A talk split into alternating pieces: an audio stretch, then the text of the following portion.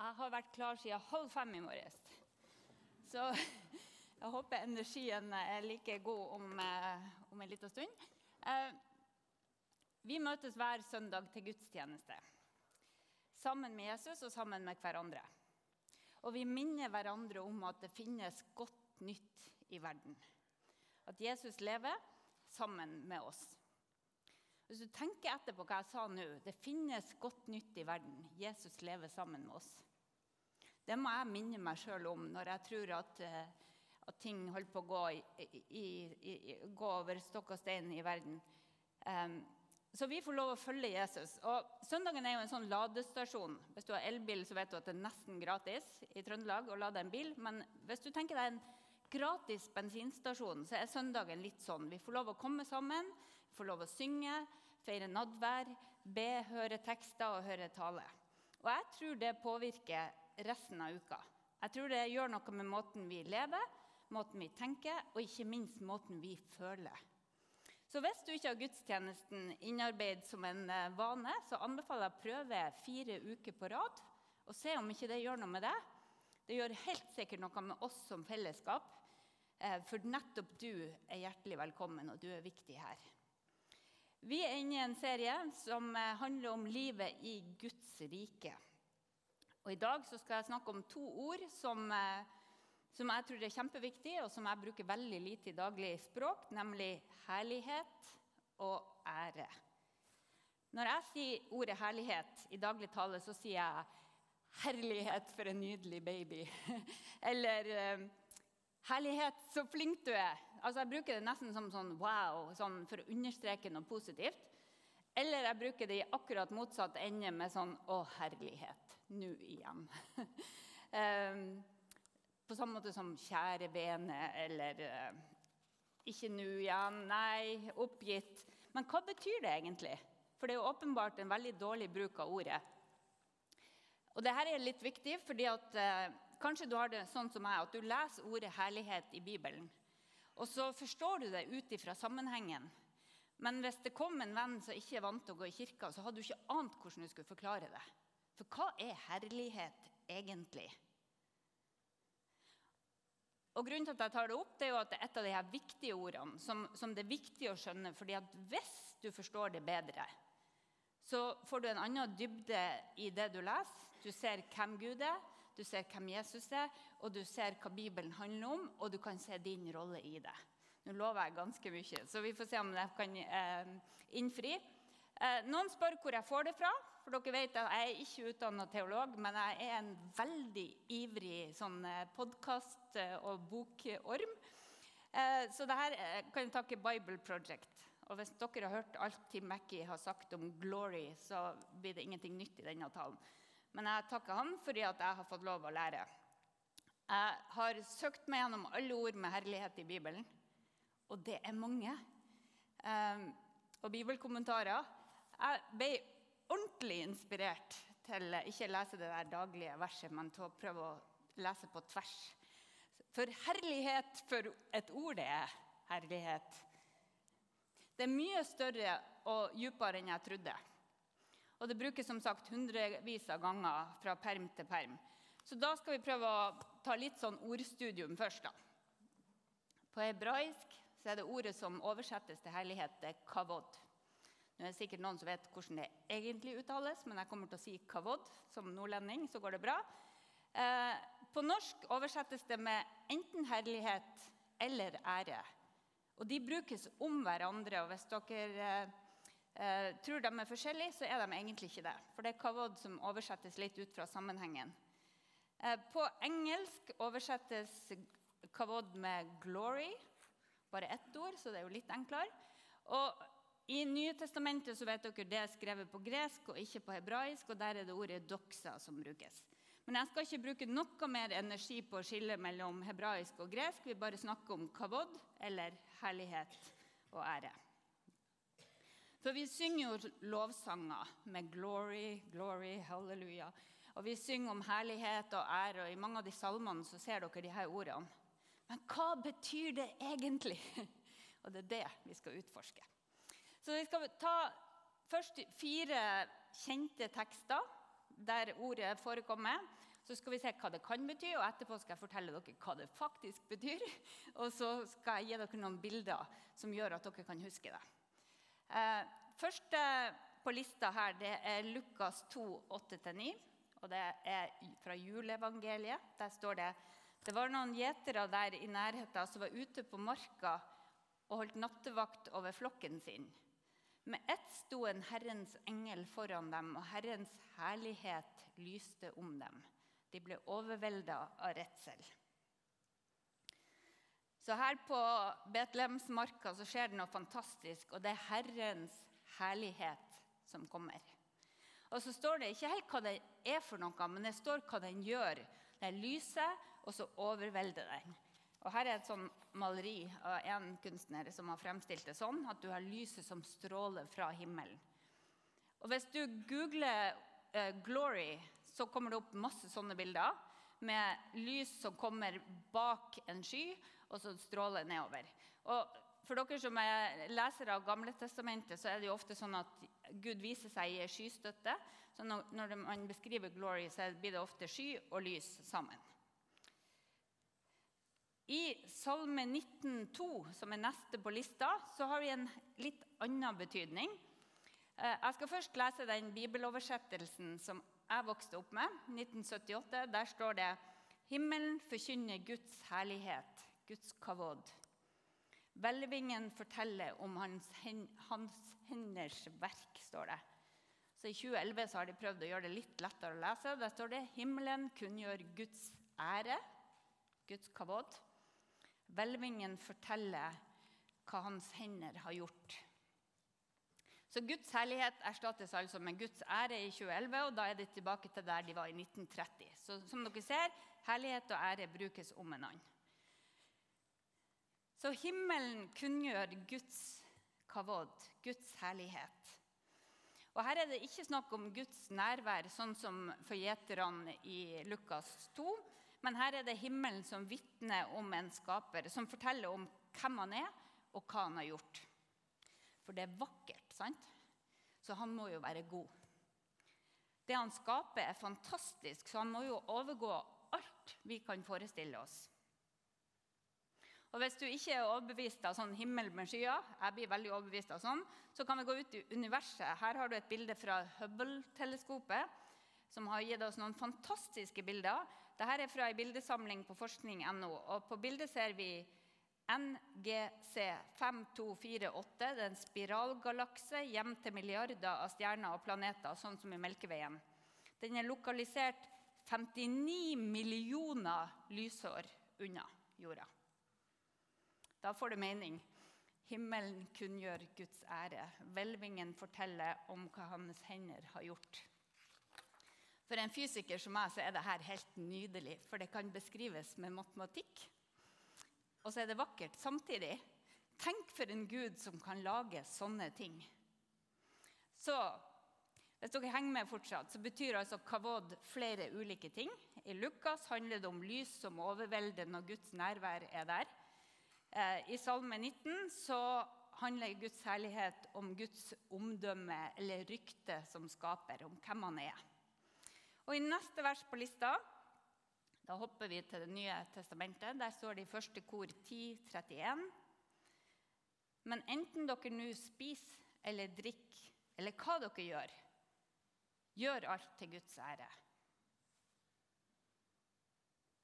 Gjør alt til Guds ære. For his glory, står det på engelsk. Hva betyr det, da? For dette kan jo ikke ha noe med skaperverket å gjøre. Eller kanskje ikke med Guds nærvær heller å gjøre. Kanskje handler det om eh, takknemlighet. Vi bruker jo å synge bordvers. Eh, men jeg skal komme tilbake til det. Neste vers fra Romerne 3,23.: For alle har synda og mangler Guds herlighet. Hva handler det her om? Alle har synda og mangler Guds herlighet. Så vi skulle altså ha hatt Guds herlighet det var det som var planen. Men så er synda ødelagt, og så mangler vi Guds herlighet. Det var fire eksempler på eh, nyansene i ordet kavod. Så det er ikke rart at herlighet og ære er ganske vanskelig å forklare. sant? for du må se det i en sammenheng. Og Nå skal jeg vise dere hva det betyr, eh, de tre betydningene som det har. Og så skal jeg gi dere noen bilder. Eh, jeg håper dette er nyttig. Eh, for det som skjedde med meg etter å ha hørt på Tim Mackey, det var at nå så jeg herlighet og ære overalt når jeg leste Bibelen. For det står faktisk på nesten hver side i Bibelen. I sin enkleste bokstavelige mening så betyr kavod tyngde eller vekt. Når man hadde sånne vektstenger, og så la du gull eller grønnsaker der, så la man et lodd på andre sida for å veie opp, for å finne ut hvor mye det veide. Det var kavod. Altså rett og slett tyngden du la på vekta. Eh, et eh, eksempel på dette er i 1. Samuel 4,18. Der står det om Eli som falt baklengs ned av stolen og brakk nakken og døde. For han var en gammel og kavod mann. Han var rett og slett tung. Det er ikke så sunt. Tung og gammel er en dårlig kombinasjon. Men dette er altså den bokstavelige meninga. Og det brukes flere ganger i Bibelen. Og så har du, Når det begynner å bli litt mer komplisert, så har du tyngde som metafor. Eh, vi kan snakke om tyngde i overført betydning. Eh, vi har det på norsk. F.eks.: eh, Det var en tung beskjed å få. Det sier vi når noe var vanskelig eller alvorlig. Eller vi kan snakke om tyngde, metaforiske betydningen status. Eller pondus eller berømmelse. Altså Noen som er viktig, de har tyngde. I Salme 7 eh, så skriver David ei bønn der han sier Herre min Gud, om jeg har handla sånn at det er urett i mine hender, om jeg har gjort ondt mot min venn og røva fra min motstander uten grunn, så la fienden jage meg og nå meg igjen og trampe mitt liv til jorda og kaste min ære, min kavod, i støvet. Så her snakker han om at hvis jeg har gjort noe galt, Gud, så la meg miste min ære, min tyngde. Han her har kavod. Kongen vår. Enten du er for eller mot eh, monarkiet, så har han kavod. Da jeg jobba på, eh, på, NTNU for rektor, så fikk jeg være med på 100-årsjubileet for NTNU. og Da var vi i Olavshallen stappende fullt. Og så fire-fem rader foran meg, der skulle kongen sitte. Og selv om jeg så nesten bare bakfra, så var det ingen tvil om at denne mannen hadde kavod. Når han kom inn, så måtte alle stå. Når han gikk ut, måtte alle stå. Når han bevega seg, så var det som en sånn usynlig ring som bevega seg. Det var ingen som gikk innafor der. Du går ikke og sier hei til kongen, selv om jeg hadde lyst. Eh, så han hadde kavod i metaforisk betydning. Har du vært starstruck noen gang? Vet dere hva det er? Er det noen som er litt opptatt av kjendiser? Bruce Springsteen. Jeg kunne alle tekstene på alle sangene hans i 1987. Og jeg var på alle konsertene også. Eh, og han pleide å ta opp ei jente fra salen, og så brukte han å danse når han kom til 'Dancing in the Dark'. Og jeg håpa hele veien fra Trondheim til Valle Hovin at det skulle bli meg. Bruce Springsteen han hadde kavod. Han har det faktisk fortsatt. Og hvis noen vil ha meg med på konsert, så sier jeg ja. Eh, han har et omdømme, eller i hvert fall en berømmelse, å ivareta. Så kavod kan bety fysisk tyngde eller metaforisk tyngde. Og så er det ei betydning til, og det er fysisk manifestering av ens viktighet eller rykte eller berømmelse. Og Det betyr altså det er eiendommen og rikdommen som tyder på at du har tyngde. Det er den som er, eller det er den som er tyngden. Nå rota jeg til litt. Altså, Eiendommen og rikdommen kan være din kavod. Et eksempel ser vi i andre krønikerbok 32. Der står det om eh, han Hiskia som skaffa seg stor rikdom og kavod. Han laga seg skattekammer for sølv og gull og kostbare steiner, balsamolje, skjold og alle slags kostbare gjenstander. Han bygde lagerhus for avlinger av korn, ny vin og fin olje og fjøs til alle slags budskap. Og han skaffa budskap til fjøset, står det. Fantastisk fortelling. sant? Og du vet at han har kavod fordi han har skattkammer og eiendommer og dyre ting. I dag ville han ha vært øverst på skattelista, stor formue, dyre biler, flott hus og antagelig både hytte på fjellet og fjord, ved fjorden. Han Hiksia hadde kavod som man kunne vise frem. Vi kaller det statussymboler. sant? Da jeg jobba på NTNU Nå kommer jeg tilbake til jeg skryter litt at jeg jobber på NTNU, men det er snart slutt for meg å jobbe på NTNU, for nå har jeg blitt pastor. Men da jeg jobba på NTNU, så lærte jeg at, eh, eh, hvor viktig det er med akademisk tyngde. Eller faglig tyngde. Jeg ser på noen av dere. Dere har det, og dere vet hva det er. For at en forsker skal ha faglig tyngde, eller godt renommé, så er det viktig at han eller hun publiserer i de beste tidsskriftene. Og så er det sånn at Når man leser artikler fra andre som jobber samme film, innenfor samme feltet, hvis de er flinke, så må du referere til dem. Så det er om å gjøre å drive litt name-dropping. Charles må referere til de andre som er kjempegode på hans felt. Eh, det betyr at du må lese masse artikler for å skrive artikler, og så må du gjøre forskning i tillegg. Og I dag så leser de fleste forskere på nett, men før i tida, da jeg var ung, så gjorde de ikke det. Da kom tidsskriftene i posten til biblioteket, og vi måtte gå og kopiere. Og så måtte de arkiveres et annet, eh, i et eller annet system, sånn at professoren og doktorgradsstudentene kunne finne frem. Og hver professor hadde sitt system i hermetegn. sant? Her er et eh, kontor. Det er tolv år siden jeg kom over det kontoret der. Han som bodde der, han hadde faglig tyngde. I alle tre betydninger av ordet. Dette kontoret det representerer professoren sin kavod. Ja, det representerer mer enn han vet, men i hvert fall det. Da jeg åpna døra til dette kontoret, så tenkte jeg å, herlighet. Og det var faktisk den eneste gangen jeg bruker ordet riktig. For det var faktisk hans herlighet. Det er en fysisk manifestering av hans tyngde. Og For dere som hører på podkast og lurer på hva i all verden vi ser på, så er det altså et kontor fullt av papir på alle flater. Det er høye tårn av artikler. Og gulvet under pulten var fullt dekka av papir, og jeg fikk bare halve kontoret med. Han som hadde kontor her, han har gått av med pensjon. Og han måtte helt sikkert flytte til et mindre rom før det skjedde.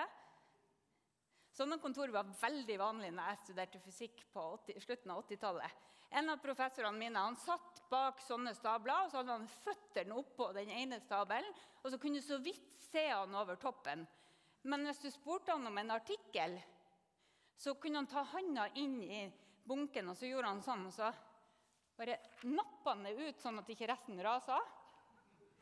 Og så fikk jeg låne den, og når jeg kom tilbake, så vet jeg ikke hva han gjorde med den. egentlig. Men han hadde sett systemet. han visste akkurat hvor i dette kaoset den lå. Og du skulle ikke spøke med sånne. Sant? Du skulle ikke vanære dem. Jeg kunne ha mista jobben om jeg hadde gjort det. Eh, rommet her sier noe om hvem de er. Det er en del av imaget. Det er deres kavod. Ja, Strengt tatt så er det NTNU som eier alt. Altså Det er universitetet sin kavod, men det er professoren sitt kavod i det store. Det er lånt kavod. Og Du har kanskje også et kontor, forhåpentligvis ikke et sånt et, men der det er du som bestemmer hva som skal stå fremme, og hva som skal henge på oppslagstavla. Eller kanskje du heldig har et rom eller en krok hjemme der du har dine ting, dine bøker, og der det er din musikk som gjelder. Ehm, det er din kavod, din herlighet, som uttrykker noe som er unikt for deg. Men i Bibelen så snakker vi jo stort sett om Guds kavod. Og Da er vi tilbake der jeg starta, i Lukas og salmene. For Guds kavod er rundt oss. Det er skaperverket. Bare se deg rundt i salen. Ta en liten kikk rundt og se på alle de skapningene Gud har laga. Trenger ikke få dra på safari for å se fantastiske skapninger. Eh, du, ta en kikk på kirkekaffen på babyene. Og når du kommer ut og ser på naturen Jeg har tusenvis av bilder på min telefon av Guds kavod. For hele virkeligheten forteller om hva hans hender har skapt. Og Så inviterer Gud oss til å ta del i sin kavod. Han er arkitekten, men vi er skapt i hans bilde. Du og jeg og alle andre, enten de kjenner han eller ikke. Vi mennesker vi får lov å reflektere Guds kavod, Guds herlighet. Vi får leve i den, og vi får forvalte den. Ja, vi får låne den. I Salme 8, 4-6, så står det Når jeg ser din himmel, et verk av dine fingre, månen og stjernene som du har satt der, hva er da et menneske, at du husker på det? Et menneskebarn, at du tar deg av det? Du satte han lite lavere enn Gud og krona han med herlighet og ære. Du gjorde han til herre over dine henders verk. Alt la du under hans føtter. Så denne Salmen er jo selvfølgelig inspirert av skapelseberetninga i første Mosebok 1.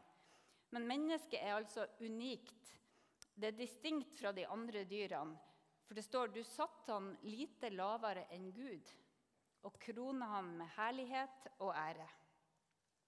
Så vi mennesker vi får lov å utvikle og designe og lage og bygge og forme verden. Guds kavod lånes til oss, så vi får være med å være medarbeidere og medskapere. I Bibelen så starter det med en hage. Er det noen som vet hva det slutter med? Hva det slutter med i åpenbaringa? En by. Det er utvikling, det. Vi var satt i en hage, og det ender i en by. Tenk hva vi mennesker er i stand til. Vi lager alt fra musikk til romfartøy. Vi oppdrar barn. Vi driver skoler og sykehus og bedrifter. Vi skaper kunst og nydelig mat og kaffe. Se deg rundt. Vi er krona med herlighet og ære, sier David. Vi er altså ikke bare syndere. Vi er skapt til å reflektere og forvalte Guds kavod, altså Guds herlighet. Så Bibelen starter med at Gud av all kavod, all visdom, all kraft, all skjønnhet, all kreativitet Han skaper det universet vi bor i. Han skaper mennesket i sitt bilde, med potensial for så utrolig mye. Og så gir han mennesket et valg om hvordan de skal styre verden. Mennesket får et oppdrag og et stort ansvar. De skal reflektere og forvalte Guds herlighet, altså Guds kavod.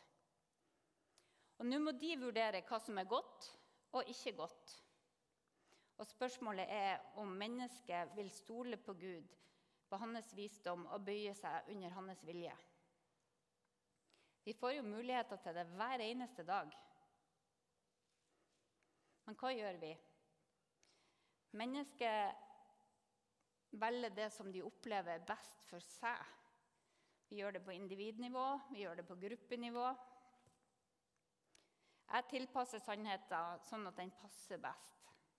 Jeg senker kravene når det passer meg, og justerer forventningene sånn at de skal bli overkommelige. Er det noen som kjenner seg igjen i det? To stykk kjenner seg igjen. Så i stedet for å være vakre refleksjoner av Gud, blir vi bare skygger av det herlige bildet av Gud som vi skulle være. Ja, vi blir falma bilder av den Gud vi skulle ligne. Det er denne historien Bibelen forteller. At mennesket kan reflektere Gud mer enn noen andre skapninger, men vi lever ikke det livet vi er skapt til.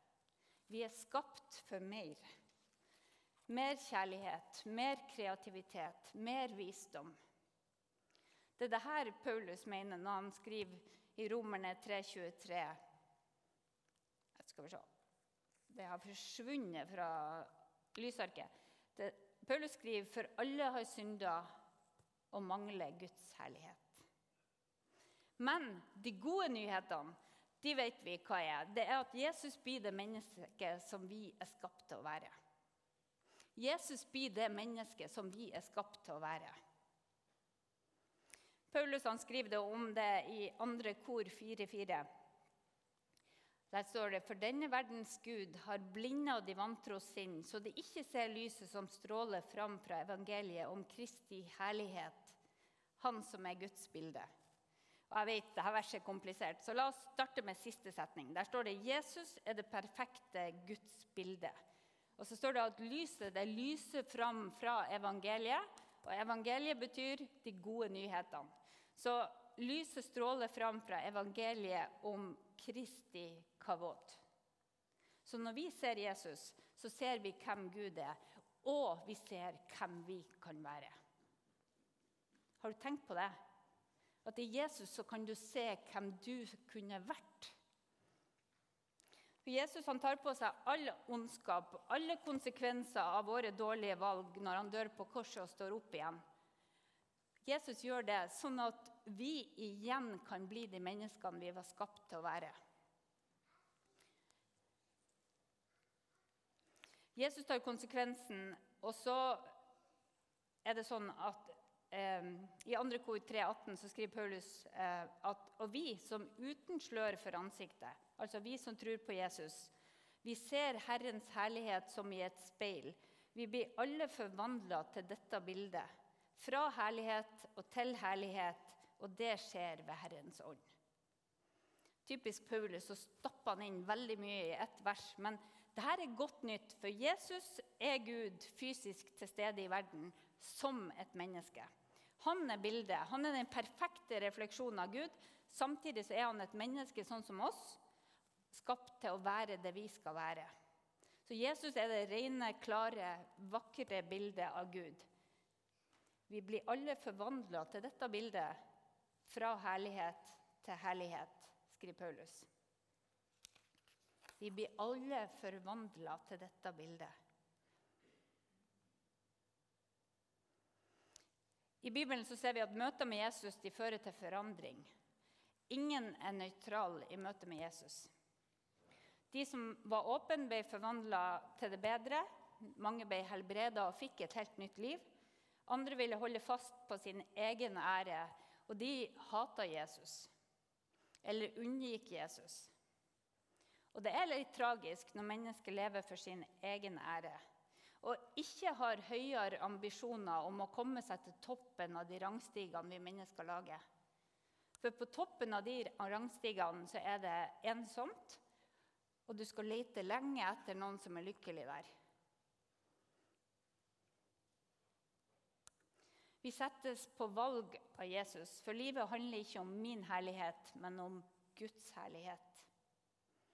Og det utfordrer meg.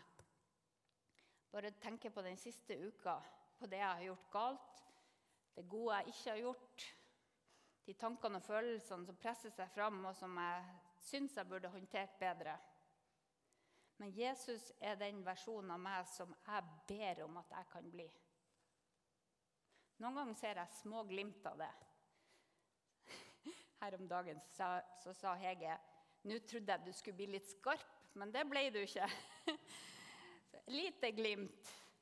Eh, fordi at Jesus er hos meg og hjelper meg noen ganger og minner meg om at eh, du kan bedre, Lise. Du trenger ikke å reagere så fort. Du trenger ikke å se ned på andre. Du kan ta deg sammen og prøve å være god. Jesus er den versjonen av meg som jeg skulle ønske at jeg kunne være, og som jeg ber om å bli. Da Jesus sto opp, så sa han eh, at til disiplene at de skulle få kraft når Den hellige ånd skulle komme over dem. Og Vi sitter noen ganger og venter på å få den krafta, men vi lever mange mange hundre år etterpå, så den krafta er her. Den er tilgjengelig, den krafta Jesus sa de skulle få. Jesus er til stede i vår verden sammen med oss ved sin hellige ånd. Han vil lede oss og hjelpe oss og lære oss til å bli lik ham. Det er det vi er skapt til. Westminster, eh, Westminsterkatekismen, har dere hørt om den? Den ble skrevet i 1646 og inneholder 107 spørsmål og svar om kristen tro. Den var laga for at den engelske og den skotske kirka skulle skrive ned det de var enige om. Så de skulle skrive ned de 107 viktigste spørsmålene og svarene. Og Det første spørsmålet her, som jeg antar er det viktigste, det er What is the chief end of man? Eller på norsk Hva er menneskets viktigste hensikt? Og svaret er Man's chief end is to glorify God and to enjoy him forever. Eller på norsk Menneskets viktigste hensikt er å ære Gud og fryde eller glede seg i Han i all evighet. Vi er skapt til å ære Gud i alt vi gjør, og til å glede oss over Gud i evighet. Men hva betyr det egentlig å ære Gud? Og jeg leita etter noen som har skrevet noe klokt og kort. Og jeg fant det her sitatet av Dallas Willard. Jeg anbefaler alle hans bøker for øvrig. Dallas Willard. Han sier å ære Gud betyr å tenke og handle på en sånn måte at Guds godhet, storhet og skjønnhet hele tida er åpenbar for oss sjøl og alle rundt oss. Det betyr å leve på en sånn måte at når folk ser oss, så tenker de takk Gud for Gud hvis Gud kunne skape et sånt liv. Tenk om folk tenkte sånn om Gud fordi de kjente deg. Jeg har en kamerat som hadde masse argumenter mot Gud, men han hadde ett argument for Gud, og det var at han hadde en god venn som trodde, og han var så god at han mente at kanskje finnes det en Gud, siden det finnes sånne folk. Tenk om folk tenkte det om deg, at du var det beste argumentet for Gud som de visste. For å ære Gud handler altså ikke bare om å synge lovsang og tjene i kirka. Det er en del av det, men det handler om hele livet. Om å leve et liv til Guds ære 24-7. I alt du gjør, i alt du er. Å ære Gud betyr å tenke og handle på en sånn måte at Guds godhet, storhet og skjønnhet hele tida er åpenbar for oss sjøl og alle rundt oss. Å ære Gud er å reflektere Guds herlighet. Det handler om hvem du vil leve for, og det handler om hvem du vil være. I stort og i smått. Vi snakka om det tidligere, om å leve trufast til stede. Den samme ideen om at jeg lever trufast til stede sammen med Jesus. Så uansett omstendigheter, uansett helse, uansett hvordan dagsformen er, så kan du leve til Guds ære fordi Jesus lever i deg ved Den hellige ånd. Det er ikke mindre enn et under at det går an. I hvert fall sånn har jeg det. Og så er det jo ikke lett for noen av oss å leve konsistent til Guds ære. Men det gode er at du er aldri overlatt til deg sjøl. Vi får leve i en fantastisk historie der det er håp for hver enkelt av oss. For historien slutter ikke med vår utilstrekkelighet. Jesus flytter inn hos oss, og han forvandler oss fra herlighet til herlighet. Hans herlighet blir vår herlighet. Ja, Guds rike er her, og vi vet det ikke fullt ut, men en dag skal Jesus komme tilbake og sette alt i rett stand. Og da skal Guds herlighet fylle alt i alle. Og Det er tema for en annen tale, men det er det håpet vi har. sant? Inntil da så skal vi få be om å få ære Gud med de livene som vi har. Jeg skal gjenta denne setninga. Å ære Gud betyr å tenke og handle på en sånn måte at Guds godhet, storhet og skjønnhet hele tida er åpenbar for oss sjøl og alle de rundt oss. Vil dere reise dere? Og jeg skal ikke gjøre noe rart. Jeg skal be i bønn for dere. Eh, Paulus skriver i Efeserbrevet 3.14-21 noen fine ord, og jeg skal be det her over dere. Kjære brødre og søstre i Trondheim frikirke. Må Han som er så rik på kavod, på herlighet, gi deres indre menneske kraft og styrke ved sin ånd. Må Kristus ved trua bo i hjertene deres, og dere stå rotfesta og grunnfesta i kjærlighet må dere sammen med alle de hellige bli i stand til å fatte bredden og lengden, høyden og dybden, ja, kjenne Kristi kjærlighet, som overgår all kunnskap. Må dere bli fylt av hele Guds fylde. Han som virker i oss med sin kraft og kan gjøre uendelig mye mer enn vi ber om og forstår. Han være ære i kirka og i Kristus Jesus gjennom alle slekter og evigheter. Amen.